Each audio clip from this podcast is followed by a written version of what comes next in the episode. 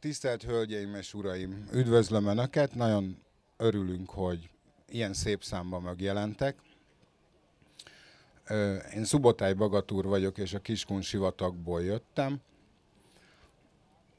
Ott, ott testközelből tapasztaljuk azt, amit így a klímaváltozás jelent. A kutak, amiket nagyapáink ástak, kiszáradnak. A rétek kiégnek, a gabona besül. Tehát nekünk nem csak média hír az, hogy itt változik a klíma, hogy fölmelegedés van, szárazás, száradás van.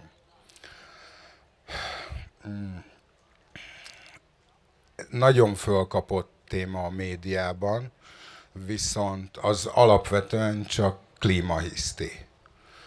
A, ugyanis fölkorbácsolja az érzéseket, viszont megoldást azt nem ad. És a klímahiszti egyik oldalon okozhat ilyen klímaszorongást, klímadepressziót, vagy okozhat tagadást. Vannak klímatagadók, akik ezt az egész problémát ignorálják és nem létezőnek mondják. Ezzel az a hatalmas probléma, hogy, ma, hogy a probléma veszik el. Tehát amíg arról beszélünk, hogy antropogén vagy nem, van változás vagy nincs, addig nem a megoldásokat keressük.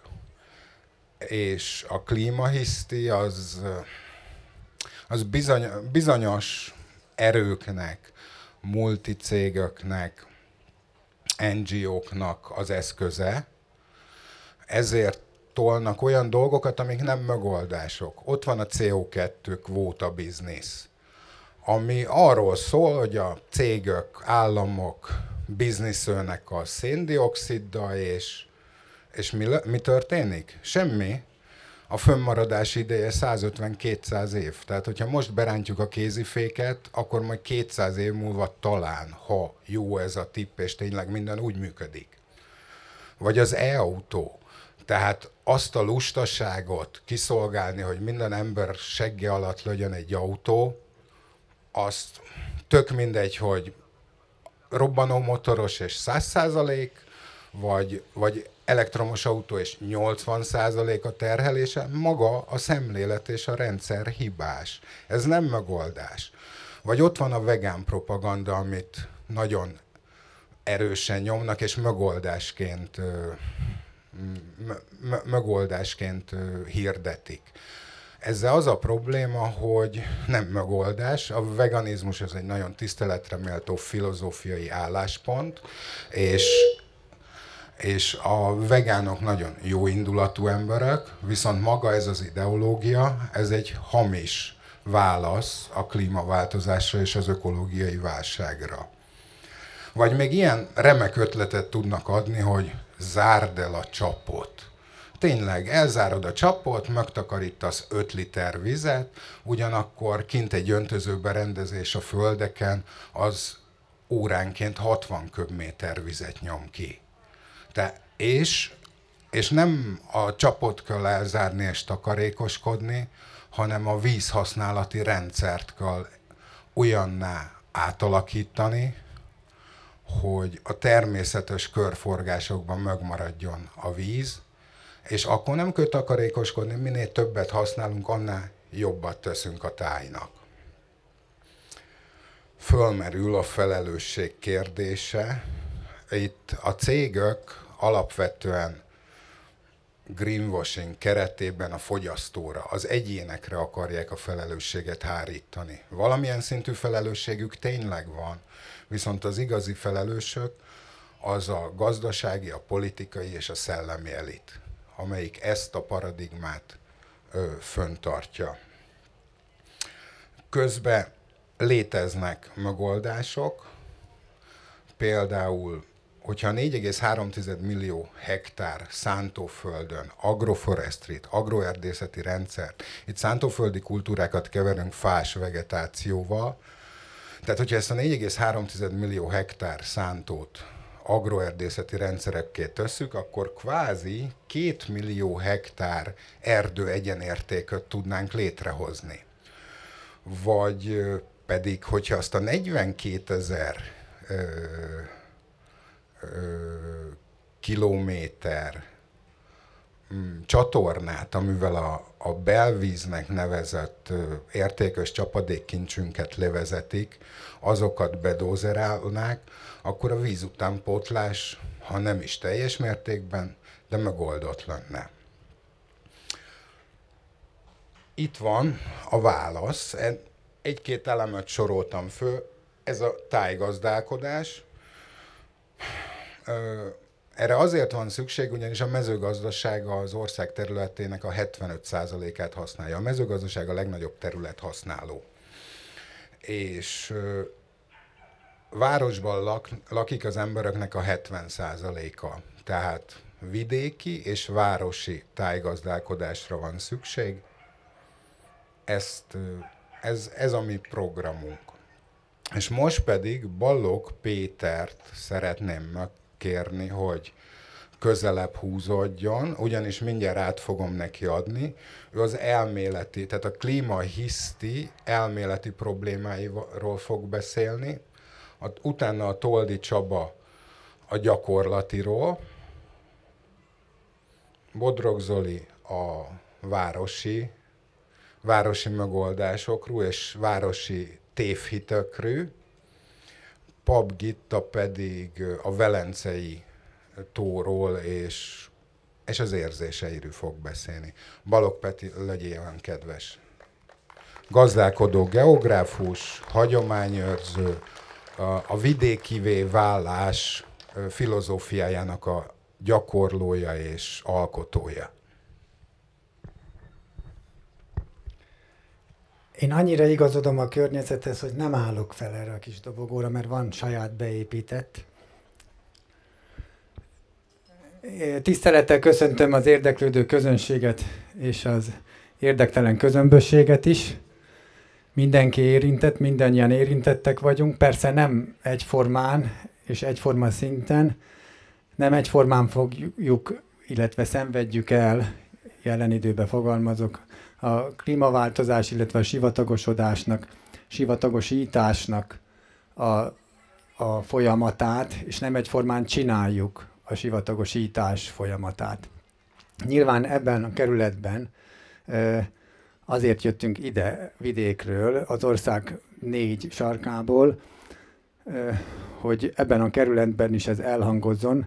Persze egy munkaidő után, de hát ha a falak visszazengik, mert ugye itt Budapesten és itt a belvárosban más szocializációs és motivációs közeg van, ahol nem annyira és nem úgy érződik a klímaváltozás, illetve a sivatagosodás és nem látszik, hogy a jelenlegi szabályzók és működés az sivatagosításnak megfelel. Na most hát elméleti bevezetőre lettem felkérve. Én tartottam az egyetemen egy egyetemi fél évet erről annak idején,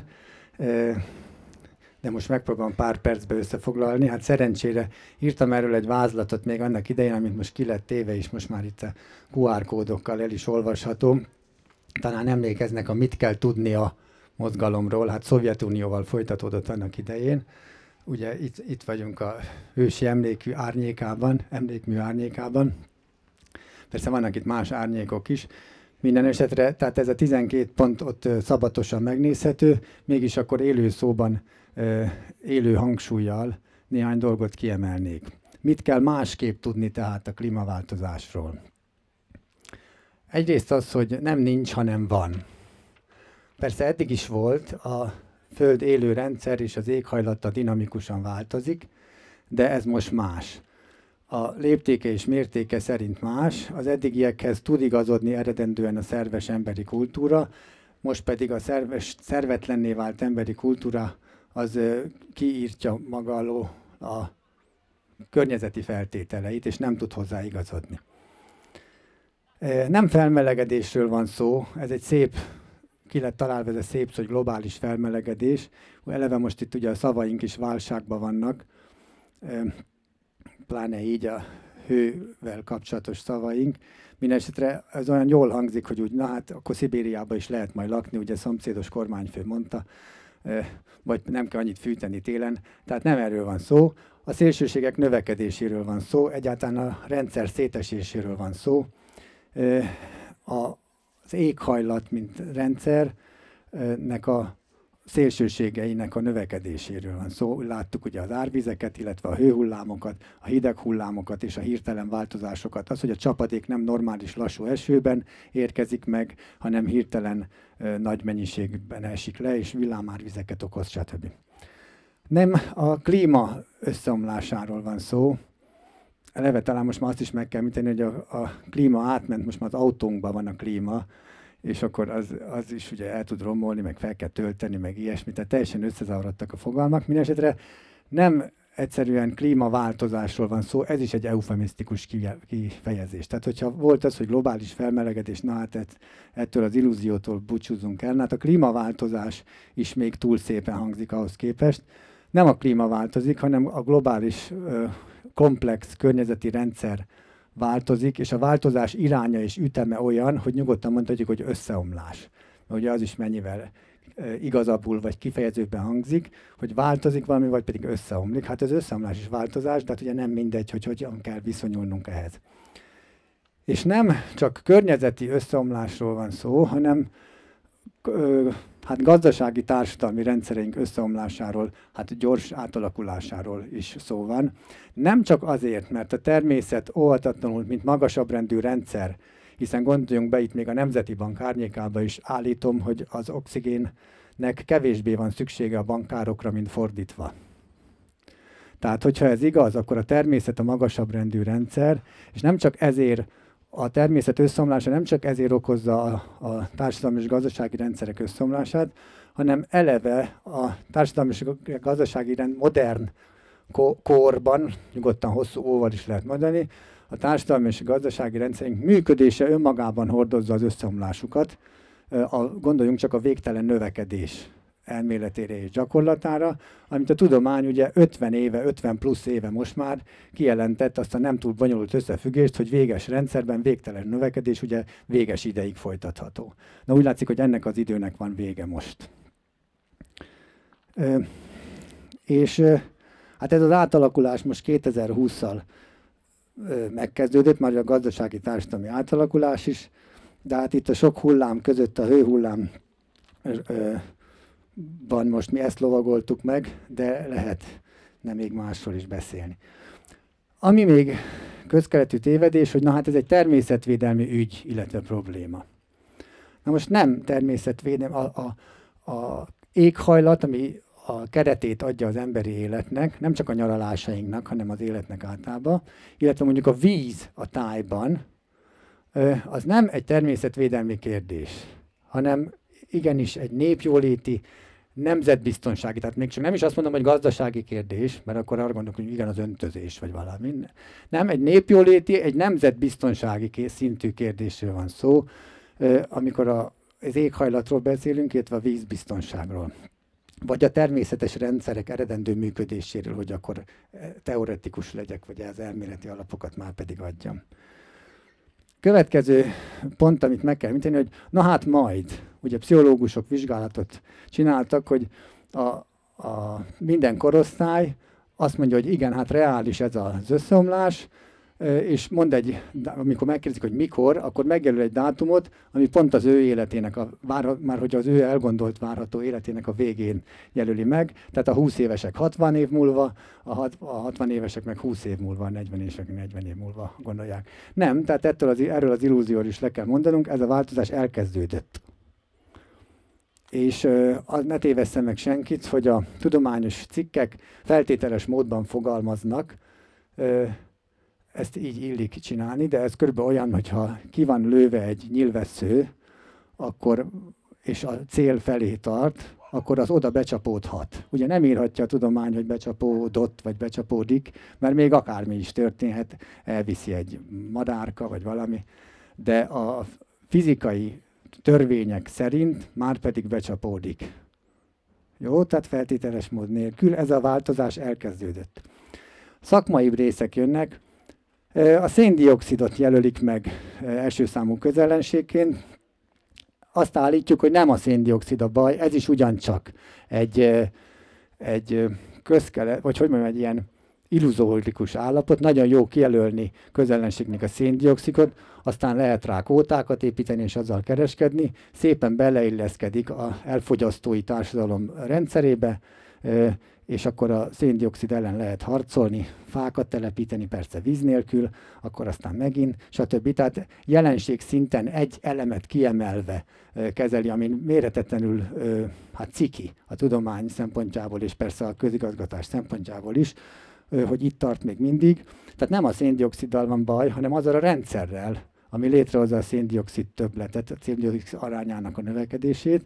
Tehát a rendszer működésével van baj. És eleve, következő pont, nem a gázokon múlik igazán, hiszen a széndiokszidnak nagyon jó helye van a rendszerben, ha a növényzet kap, van növényzet és az kap vizet, és a kap vizet, akkor van növényzet, ha nem kap vizet, akkor nincs növényzet, akkor a széndiokszid az táplálék a növényzetnek, és egyszerűen megvan a helye a széndiokszidnak, hanem sokkal inkább a vizeken múlik. A sivatagosodás, a klímaváltozás, a klíma felborulása, a szélsőségek növekedése, egyáltalán ezek a hőhullámok, amiről beszélünk, hiszen a víz, a táj hűtővíze egyszerűen, tehát nem, nem csak a szokásos, hogy az élet, meg a tehát hogy a, már hogy a folyékon tudjuk a test is, a 70%-a, stb., hanem egyáltalán a táj hűtővíze, a vizeken múlik, a vizeken és tehát a felszínborításon, tehát hogy hogy van helye a vizeknek a tájban, az a felszínborításon múlik. A felszínborítás remélem érthető magyar szó, nem túl teoretikus. A felszínborításon, tehát a tájhasználaton múlik, tehát hogy, hogy hogyan használja az ember a tájat, mit gondol a tájról ennek meg az ember, hogy a gyakorlati vetület, vagy mi határozza meg a gyakorlatot, ugye mindig az értékrend, hogy mit gondol az ember a tájról, mire való az a táj, profittermelési, hát tőkejószág, vagy pedig az élet maga. Két tételt mondok még ez, a klímaszabályozás eszköze a víz, tehát. Megtanultuk általános iskolában, hogy óceán éghajlat, ugye télen fűt, nyáron hűt, milyen jó nekik, ugye bezzeg itt még a félkontinentális éghajlatunkkal, hát kicsit bajba vagyunk. Na most hát bajba, mert kontinentalizálódik, illetve levezették a vizeket. Na most, hogyha a Magyarországon, a, a Kárpát-medencében, hangsúlyozom a medence szót, a nagy vizeket, a többletvizeket megtartanák, akkor nem sós állapotjába is a vízzel feltöltött táj természetesen ugyanúgy hűtené nyáron és fűtené télen a tájat, illetve szabályozná a klímát, illetve egyáltalán a tájműködést. És a vízszabályozás eszköze pedig nem a műszaki lehetőségek, sarkantyúk, meg szivattyúk, meg ilyesmi csatornák, hanem a tájhasználat maga. Kérdés, hogy van-e helye a víznek a tájban, a tájhasználatban? A, a, van-e helye, és az a válasz, hogy nincs a jelenlegi tájhasználatban helye a víznek, és az, a, az még a jó hír, hogy meg lehet teremteni azt a tájhasználatot, nem bonyolultul meg lehet teremteni azt a tájhasználatot, amiben van helye a víznek. Ez a tájhasználat a tájgazdálkodás. Az ártereken, az ártériás területeken az ártéri tájgazdálkodás például. Na most a megoldásról még néhány szó. Hogy meddig jut el a jelenlegi kezelés, a problémánk a jelenlegi kezelése, addig jut el, hogy a tüneteket a jelenségek szintjén hát beszélgetünk róla, illetve beszélgetnek. Még akkor is, hogyha ezek jeles nemzetközi konferenciák, és utána a sajtóban sikeresnek vannak minősítve, gondolom azért, mert elmosogatták a poharakat utána. Sorba ugye a Rio-i konferencia 92, Kyoto, stb. most Párizs 2015, és akkor bemondják, hát, hogy nem sikerül azokat az idétlen célokat sem megvalósítani, tehát ne legyenek senkinek kétség, és előre az illúzió is le kell mondani, ezek sem megoldások. A teljes rendszer átalakítása a megoldás az értékrendi, strukturális és működési szinten. és nem számít kezelésnek a beszélgetés, például ez a konferencia sem. De szeretné fel, de megjegyzem, mentségünk legyen mondva, nincsen túl sok döntéshozói ö, lehetőségünk és nem a rendszeren belül van tehát a megoldás, mint hogy a baj rendszerszerű, ahogy az előbb bemutattam. Rendszeren belül hamis helyzet, helyzetértékelés van, illetve az illúziókhoz való ragaszkodás, tehetetlenség, és ennek megfelelően klímaszorongás. Hanem a megoldás, és akkor ezzel fejezem be, vagy úgy is mondhatnám, hogy mit kell másképp tudni a klímaváltozásról. Azt kell másképp, hogy nem igaz, hogy nincs megoldás. Ezen hosszú bevezető után van megoldás, igenis van megoldás, ez a megoldás pedig egy új rendszer. És az új rendszer talán legfontosabb szava a tájgazdálkodás, és persze a gerillaság. Mert új rendszert kell építeni, a, a, a, olyan rendszert, ami igazodik a tájaink eredendő működéséhez. Olyan tájhasználatot, olyan emberi használatot, ami az eredendő, magasabb rendű tájhasználat, tájműködéshez igazodik. És nem a profitorientált működéshez, vagy a profit képzéshez igazodik. Köszönöm szépen, hogy meghallgattam.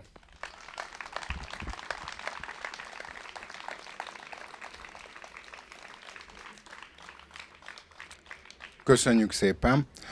A következő Toldi Csaba lesz, és homokhátsági gazda. A homokhátságot a FAO pár éve félsivataggá nyilvánította. Én találtam konferenciáknak az anyagát 30 évvel ezelőttről, tehát már akkor a kiszáradásról konferenciázgattak, és akkor még nem volt félsivatag. Logikusnak tűnik a következtetés, hogy a konferenciázgatás sivatagosodást okoz. Azonnal hagyják abba a konferenciázgatást. Csaba. Köszönöm szépen. Jó napot kívánok mindenkinek, Toldi Csaba vagyok, és Jászent Lászlóról érkeztem. Na, ez egy olyan falu, ami nem a Jásságban van, hanem az egyetlen olyan jászfalu, ami a Kiskunságon van, és a, a homokhátság alján végül is. Én most úgy szeretném ezt az egész néhány szakmai mondatot elmondani, hogy inkább kérdésekre válaszolok, mert nagyon sok kérdés érkezett ezzel a rendezvényel kapcsolatban is, és kérték azt, hogy válaszoljunk bizonyos szakmai és gyakorlati dolgokra. Tehát most itt ez a rendezvény nyilván azért jött létre, mert szeretné felhívni a figyelmet az elsivatagosodásra. Tehát itt, az előbb, amit hallottunk, hogy most már félsivatagnak nyilván, nyilvánították a homokhátságot. Ez, ez egy hirtelen nagy ugrás volt, mert 2019-ben még csak arról beszéltek, hogy majd egyszer az lesz, és most viszont már tényleg az. Ez látszik most már a drónos felvételeken, meg látszik a termés eredményeken és mindenen. A, azért vannak itt a tevék, mert ez is egy jó demonstráció arra, hogy mi az, ami fog következni. Ugyanis a mi, tehát gazdálkodók figyelmét, a mi figyelmünket már fölhívták arra, hogy próbáljuk váltani azokat a növényeket, amelyek nem bírják víz nélkül. Tehát gondolnak itt a kukoricát, cseréljük le cirokra, ami sokkal jobban bírja vizet, beltartalmi értéke sokkal nagyobb, illetve hasonló, de hogyha erre már a, a, a tudós emberek felfigyeltek, hogy a homokhátságon ezeket a növényeket ki kell cserélni, akkor már csak egy lépés az, hogy a lovainkat is le kell cserélni mondjuk tevékre. És nyilván, hogy ez ennek a demonstrációja. A sivatag és a félsivatag között nincs túl nagy különbség. Mi azért vagyunk félsivatag, mert a sivatagban önerőben nem tud eső képződni, nincs párásodás, és ezért nincs visszacsapódó pára. Tehát azért vagyunk hogy félsivatag, és ez valóban nem egy túl nagy ugrás, mert a környezet, tehát a Tiszántúl és a Dunántúl szerencsére még ö, megfelelő állapotban van. Most az, hogy mit lehet ezzel csinálni, hát nyilvánvalóan vízmegtartás, a, homokhátság régen a Ezertó vidéke volt, vagy a tengernyi hal országa, ezt már a, Anonymous idejében is mondták a szerzetesek. A, hogy kinek kell itt cselekedni, ez is bejött egy ilyen kérdésnek. Hát nyilvánvalóan gazdálkodóknak, sőt, hát mondattam mindenkinek, de hogyha a gazdálkodókat békén hagyják, és nem fékezik még őket különféle jogszabályokkal, akkor biztosan, hogy sokkal nagyobb eredményt lehet elérni, mint hogy valaki egy központi rendszeren keresztül próbálja irányítani azt a gazdálkodót, ami, aki is ismeri ugye a saját földjét, és tudja, hogy az, ami mondjuk esetleg kijön egy törvényben, az a homokát bizottságra nem alkalmazható, nem az, hogy nem alkalmazható, tehát ezek az országos vízügyi jogszabályok a, a homokhátságon nyilván, hogy nem alkalmazhatóak, hanem inkább azt mondom, hogy károsak. Tehát az biztos, hogy ezt országos szinten ezt így nem lehet ö, egy kalap alá vonni. A vízgazdálkodásnak kérdezték, hogy mi a gazdasági és a természeti haszna. Hát a gazdasági haszna nyilvánvalóan az, amit mi már évek óta csinálunk és publikálunk, öt egyetemmel vagyunk kapcsolatban, a mi példánkat már tanítják az egyetemeken, és tehát olyan gazdasági hasznokat tudunk elérni, ami mondjuk a dupla terméseredmények esetenként háromszoros, kirívó esetekben pedig nyolcszoros terméseredményeket is mértünk, egyszerűen csak víz visszatartása. A természeti haszna, vagy természetben a hasznosulás az nyilván az, hogy a, ugye a környezet erdők, gyepek megmaradnak, ezek a, ugye a madár és állatvilág meg tud maradni. Ehhez még hozzátenném azt, hogy nálunk a hátságon vannak olyan, a vadászok mondják ezt, hogy vannak olyan elhullott állatok, ami ugye boncolásra kerül, és nem tudják, hogy mi baja van, és a boncolás után ö, derül ki, hogy ezek kiszáradtak. Tehát egyszerűen a vadállatoknak nincs ö, ivóvíze.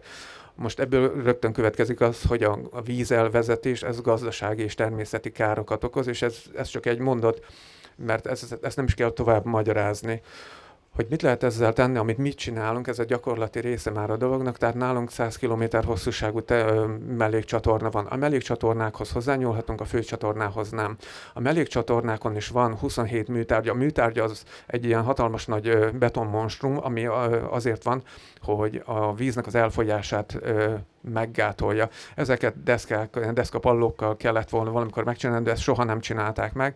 Mi ezt a 27 ö, műtárgyat megpróbáljuk felülíteni, és akkor így a, az elfolyó vizeket ö, megakadályozni, hogy ezek menjenek. Most ezeket a tározókat, illetve a csatornákat úgy tervezték, hogy megfelelő tározókat tudjanak kialakítani vízhiány esetén. Több ilyen tározónk van, 24 volt a térségben, de 24-ből már csak 4-ben van víz.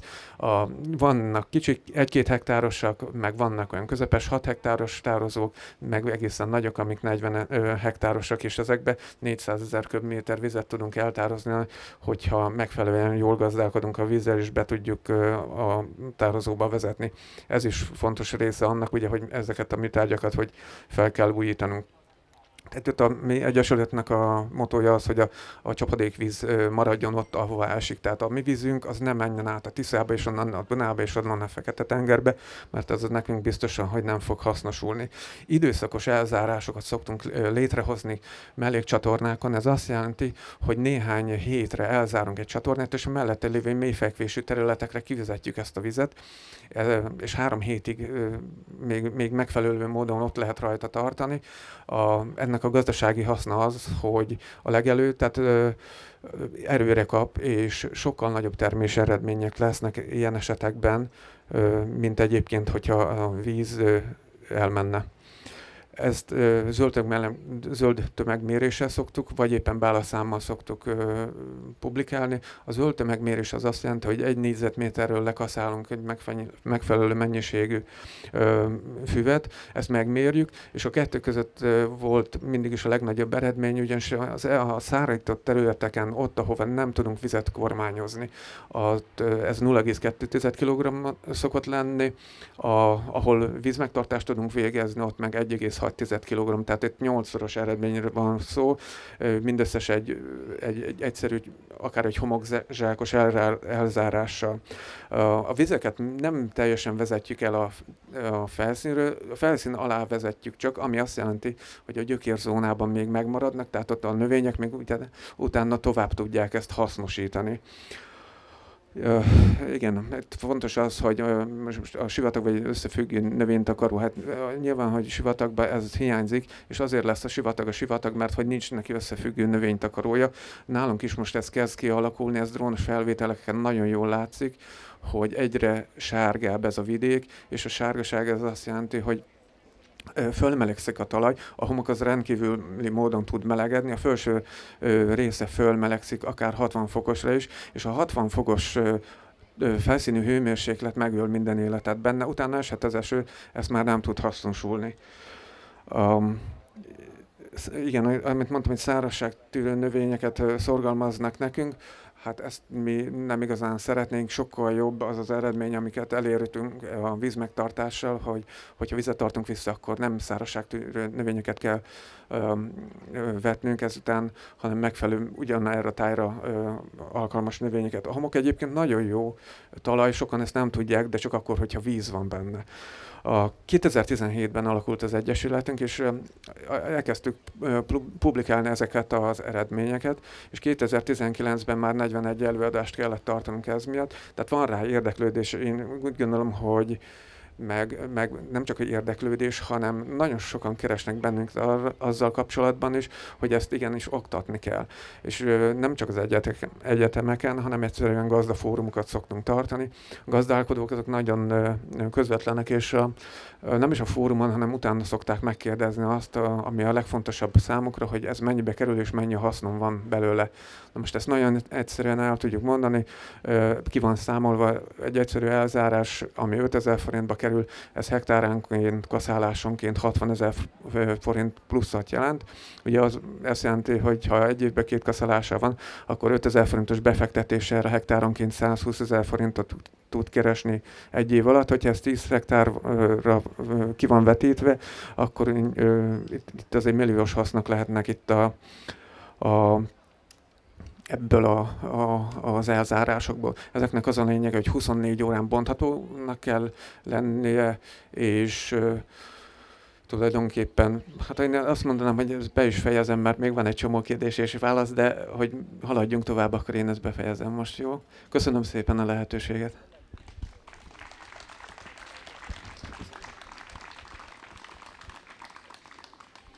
Köszönjük szépen mi is és most Bodrog Zoli fog jönni, Sétáló Budapest programnak a motorja. Fogadjátok szeretettel. Szeretettel üdvözlök mindenkit. És ugye miről van szó? A homokhátság, tágabban véve az Alföld, még tágabban véve a Kárpát-medence és az egész földgolyó vízháztartásának a tönkre meneteléről, felborulásáról. Hogyan ide a sétáló Budapest? Ugye jöhetne úgy is, hogy hát ők is zöldek, mi is zöldek vagyunk, eljöttünk megtámogatni egymást. Ezt leginkább úgy hívnánk, hogy, hogy pofa vizit, pofa fürdő, ugye megmutatom, hogy én is zöld vagyok. Nem ezért jöttem. Azért jöhetnék még, hogy értelemszerűen, ugye szűkebb értelemben a város vízgazdálkodásáról beszéljek, ugye Budapest is részben a az Alföldön fekszik el, és egyébként teljes egészében a Kárpát-medencében pont témánál vagyunk, a vízháztartásával probléma is van. Azt a jót egyébként elmondhatom, és ezért egyébként nem is biztos, hogy teljesen helye lenne egy gyújtóhangú beszédnek, hogy a mai fővárosi vezetésben a zöld infrastruktúra kérdése, ami ugye a vízháztartáshoz a legszorosabban kapcsolódik, mert ugye minél jobb a város zöld infrastruktúrája, ugye a benne levő parkok, fák, ligetek, fasorok, egyebek, annál több vizet tud visszatartani. Itt is ugye a víz visszatartás a fő megoldás. Amikor esik az eső, akkor nem kell azonnal elvezetni, amikor meg nincs eső, akkor pedig nem kell a vezetékből venni a vizet. Szóval ez, ez a legszorosabban a zöld infrastruktúrával függ össze. Minél zöldebbek a városaink, annál jobb lesz a vízháztartásuk is. És ez egy nagyon jó szakember kezében van most a Városházán, ennek nagyon örülünk, és ezért nem is gyújtogatok vele szemben. Viszont az összes többi szakterületről ö, kisebb vagy nagyobb kritikákat mondhatok csak el, és akkor itt jön be az, hogy miért jön ide a sétál Budapest, Egyrészt azon kívül, hogy Budapesten vagyunk, és Budapestnek is visszatartási problémáik vannak. A Sétáló Budapest létrejötte, az pont ahhoz köthető, hogy ami a jelenlegi politikában megfigyelhető, azt mi megtagadtuk. Megtagadtuk egyrészt a régi városvezetés, a Tarlós István városvezetésnek a klímaváltozást, vízháztartás problémáit, a fenntarthatósági problémákat egyszerűen tagadó felfogását. Nem kérünk abból, hogy ezzel a kérdéssel egyszerűen nem foglalkoznak egészen komolyan. Csinálják valahogy a várost, ahogy eddig működött, az most nem fontos, hogy ezt a klímahisztit, fenntarthatósági hülyeségeket kiszolgálják. Annak a városvezetésnek mennie kellett. Viszont nemet mondtunk az új városvezetésnek is a halványzöld bullshitjére. Mert valójában, ami most is folyik a főváros vezetése részéről, az nagyon nem elég. Azért jöttem ide, hogy elmondjam, hogy Budapest számára a sétáló Budapest az, ami megfogalmazza, hogy nincs időnk. Ezek a problémák, amelyek a homokhátságon fölmerülnek, amelyek a Kárpát-medencében fölmerülnek, amelyek az egész földön fölmerülnek, ezek a körmünkre égtek. A Sétáló Budapest programot, amikor írtuk, akkor beleírtunk mondjuk nem tudom én hány száz intézkedést mindenféle szakpolitika területén, közlekedés, hulladékgazdálkodás, épületenergetika, társadalompolitika, akármi.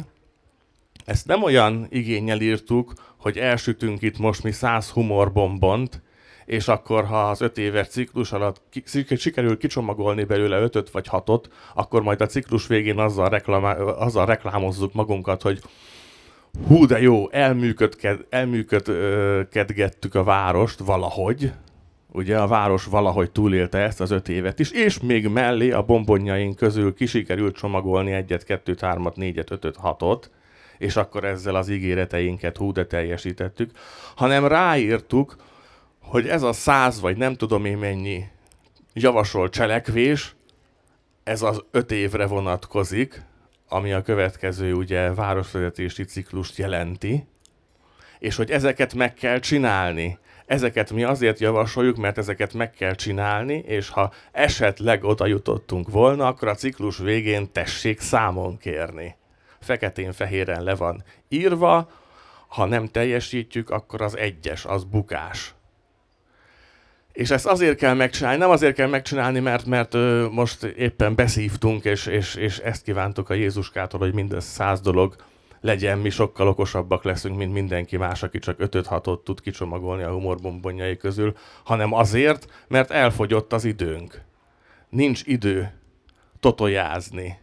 Ugye most jött ki az ENSZ ö, kormányközi nem tudom, klímapolitikai paneljének ugye a legfrissebb jelentése, abban is feketén-fehéren az van leírva, hogyha mindent, szó szerint mindent, amire a mostani társadalom képes, megteszünk a klímaváltozás ellen, akkor lehet, hogy a klíma katasztrófa elkerülésének a határát megcsípjük. Tehát mindent meg kell tenni, és akkor van egy kicsi esélyünk, hogy megmentettük a dolgot. Éppen ezért a fővárosban is én nem tudom, hogy egy-két kilométeres mondjuk villamos hálózati hiányosságokat visszaépíteni miért 5 meg 10 év. Ezt meg kell csinálni. A hulladék gazdálkodásban a szelektív gyűjtés kiterjesztését, a biohulladék reciklálását, akármit ugye rendszer szinten bevezetni, miért 10 év meg 20 év, ezt meg kell csinálni. Ki kell lépni egyébként a komfortzónánkból. Mindenkinek, aki itt van, mondom, hogy nyilván most ez nem egy városvezetői kampánybeszéd, nem a következő ciklusra készülünk, hanem most itt egymásnak a lelkét acélosítjuk. Mindenki, amikor innen hazamegy, változtassa meg a hétköznapjait. Egyen fenntartható forrásból, ne vegyen meg fölösleges szart a plázában, ne pazarolja a vizet, minden apró dolog számít, de ugye majd csak a rendszerek megváltozásával együtt fog tudni számítani igazán. Mindenki kevesebbet autózzék, ha fölösleges csomagolást lát egy terméken, akkor azt ne vegye meg akkor sem, hogyha kívánatos, hanem kérje számon az eladótól, a pincértől, a nem tudom én kitől, hogy ő nem kért csomagolást, nem kért műanyag szart ehhez a termékhez. Na és ugyanúgy, ahogy mindenkinek ki kell lépnie a komfortzónájából, ugyanúgy ki kellene lépniük ugye a politikusoknak is a komfortzónájukból. Ahogy Budapesten, úgy az egész országban is. Amiből eddig elég volt a politikai sikerhez 5-6-ot kicsomagolni, kis jelképes, szimbolikus humorbombonokból, amit a saját oldalunknak megígértünk, és ugye az alapműködésen felül, ha megvalósítottuk siker, abból most százat ki kell csomagolni. Ha felsoroljuk a problémát, felállítunk, felállítunk egy diagnózist, akkor annak minden egyes problémáját meg kell támadni, minden egyes rész problémát meg kell tudni oldani. mindent el kell követni, ugye a jelentésben is benne van. Ha mindent elkövetünk, akkor van egy minimális esélyünk. Szóval így jön ide a sétáló Budapest. Nem viccből mondtuk azt, hogy sokkal többet kell csinálni, mint mások. Nem azért mondtuk ezt, mert okosabbak vagyunk, mint mások, vagy mert többet tudunk dolgozni, mint mások, hanem azért, mert egy olyan problémának a közepén élünk, amit komolyabban kell venni. Ha úgy tetszik egyébként, bár mostanában ugye a, a háborús propaganda az, az, az inkább abuzálva van, de hát a klímakatasztrófa ellen háborúban állunk. Olyan dolgokat is meg kell tenni, amelyeket, amelyek nem kényelmesek, amelyeket nem tettünk volna meg. És egyébként, amikor mindenki ezt a komfortzónából való kilépést a saját életében ö, megteszi, akkor esélyt ad a társadalomnak is arra, aminek ő is a tagja, hogy rákényszerítse a vezetőit is arra, hogy kilépjenek a komfortzónájukból, és bullshit gyártás, meg tagadás helyett tényleg a cselekvés mezeire lépjenek. Szóval cselekedni kell azonnal. Ez az üzenetem. Köszönöm. Köszönjük szépen.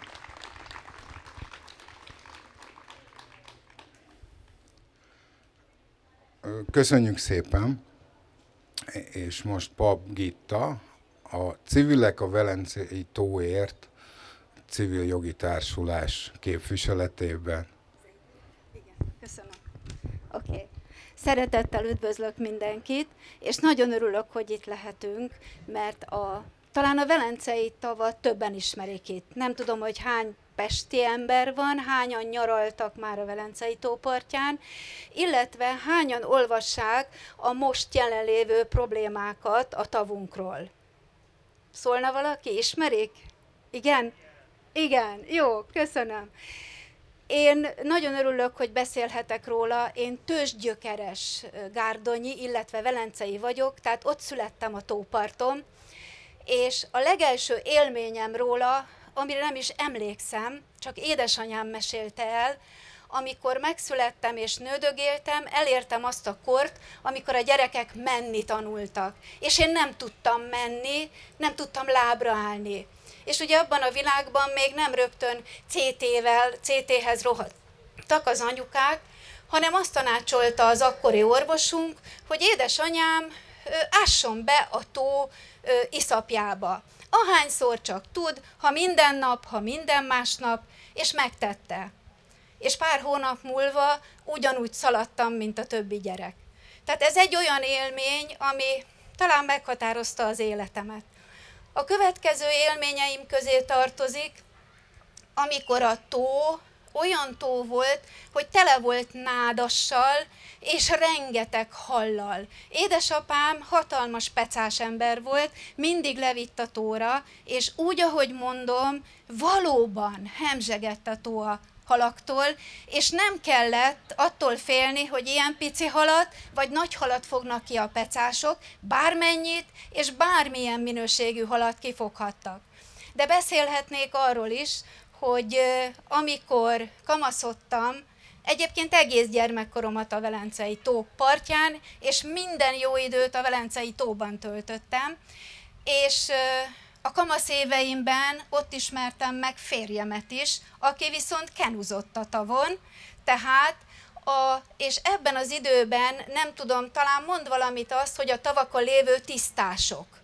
Ugye rengeteg nád fette még a Velencei tavat, ha most mondjuk Agártól végignézünk Gárdony vagy Velence felé, nem látunk nádast. A tó partja tele volt nádasokkal, és senkit nem zavart, a fürdőzőket, tehát egy, egy élmény volt. És visszatérve, tehát amikor mi rengeteget csónakáztunk, vagy éppen ö, nagy kenuval mentünk be a tisztásokra, hihetetlen, de az úgynevezett nagy tisztáson inni lehetett a tóvizéből. Tehát csodálatos volt. És ezt sorolhatnám tovább, hogy milyen, és nem azért, mert gyermekkor élményeire az ember szívesen emlékszik vissza és felnagyítja, és gondoljunk abba bele, hogy ez a tó, csak a Velencei tó, körülbelül 12-15 évvel ezelőtt alakult ki. És végig, igaz, hogy mennek a anekdóták róla, hogy ekkor kiszáradt, akkor kiszáradt.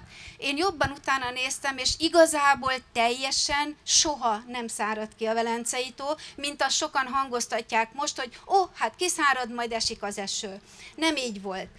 Tehát, hogyha most megnézzük ezt a tavat, ami 12-15 ezer évvel ezelőtt alakult ki, és milyen gyönyörűen élte az életét, most pedig ez a pici idő, amikor az én életem, ami nekem hosszú, de az ő életében ilyen rövid, iszonyatos sebességgel megy tönkre.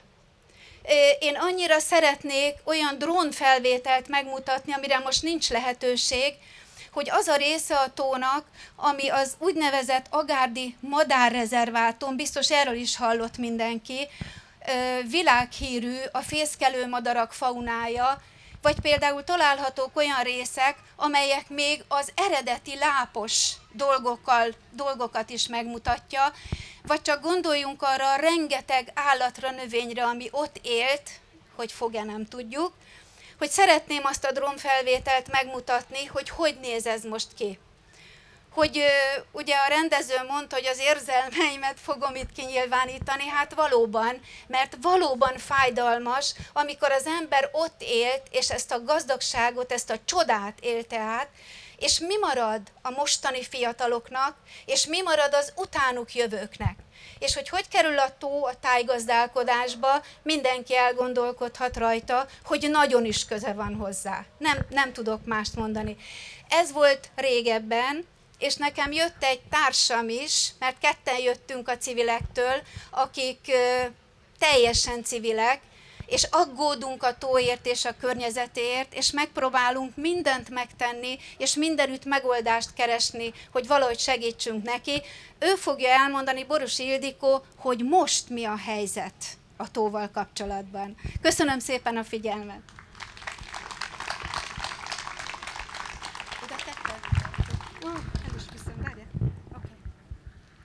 Na hát most én kerültem sorra, és van egy jó hírem, meg egy rossz hírem, és ezt mindenki döntse el, hogy, hogy ez a hír, ez kinek jó és kinek rossz. A hírem az, hogy mi civilek magunkra számíthatunk körülbelül, és itt vége. És a Velencei toval konkrétan az történt, hogy idén nyáron befejeződött a KEHOP 13015 2016-15-ös projekt, amelyre a feltett kérdésemre a Közép-Dunántúli vízügyi igazgatóság Székesfehérvári részlege azt válaszolta, hogy ez a projekt a vizek hasznos, hasznosítását, védelmét és kártételeinek elhárítását szolgáló tevékenységekre és létesítményekre vonatkozó műszaki szabályokról szóló 30 per 2008 12. 31 KVVM rendelet előírásaihoz igazodóan történt és mire fordították a 14 milliárd forintot, amit a KEHOP pályázatora biztosított az Európai Unió. E, elküldték nekem a főösszesítőt, amiből kiderült, hogy előkészítés, tervezés és kivitelezés 12,7 milliárd, műszaki ellenőr 210 millió, fenntartó eszközök beszerzése 233 millió, tájékoztatás és nyilvánosság 66 millió, közbeszerzés 67 millió, projektmenedzsment 300 millió, tartalék 460 millió.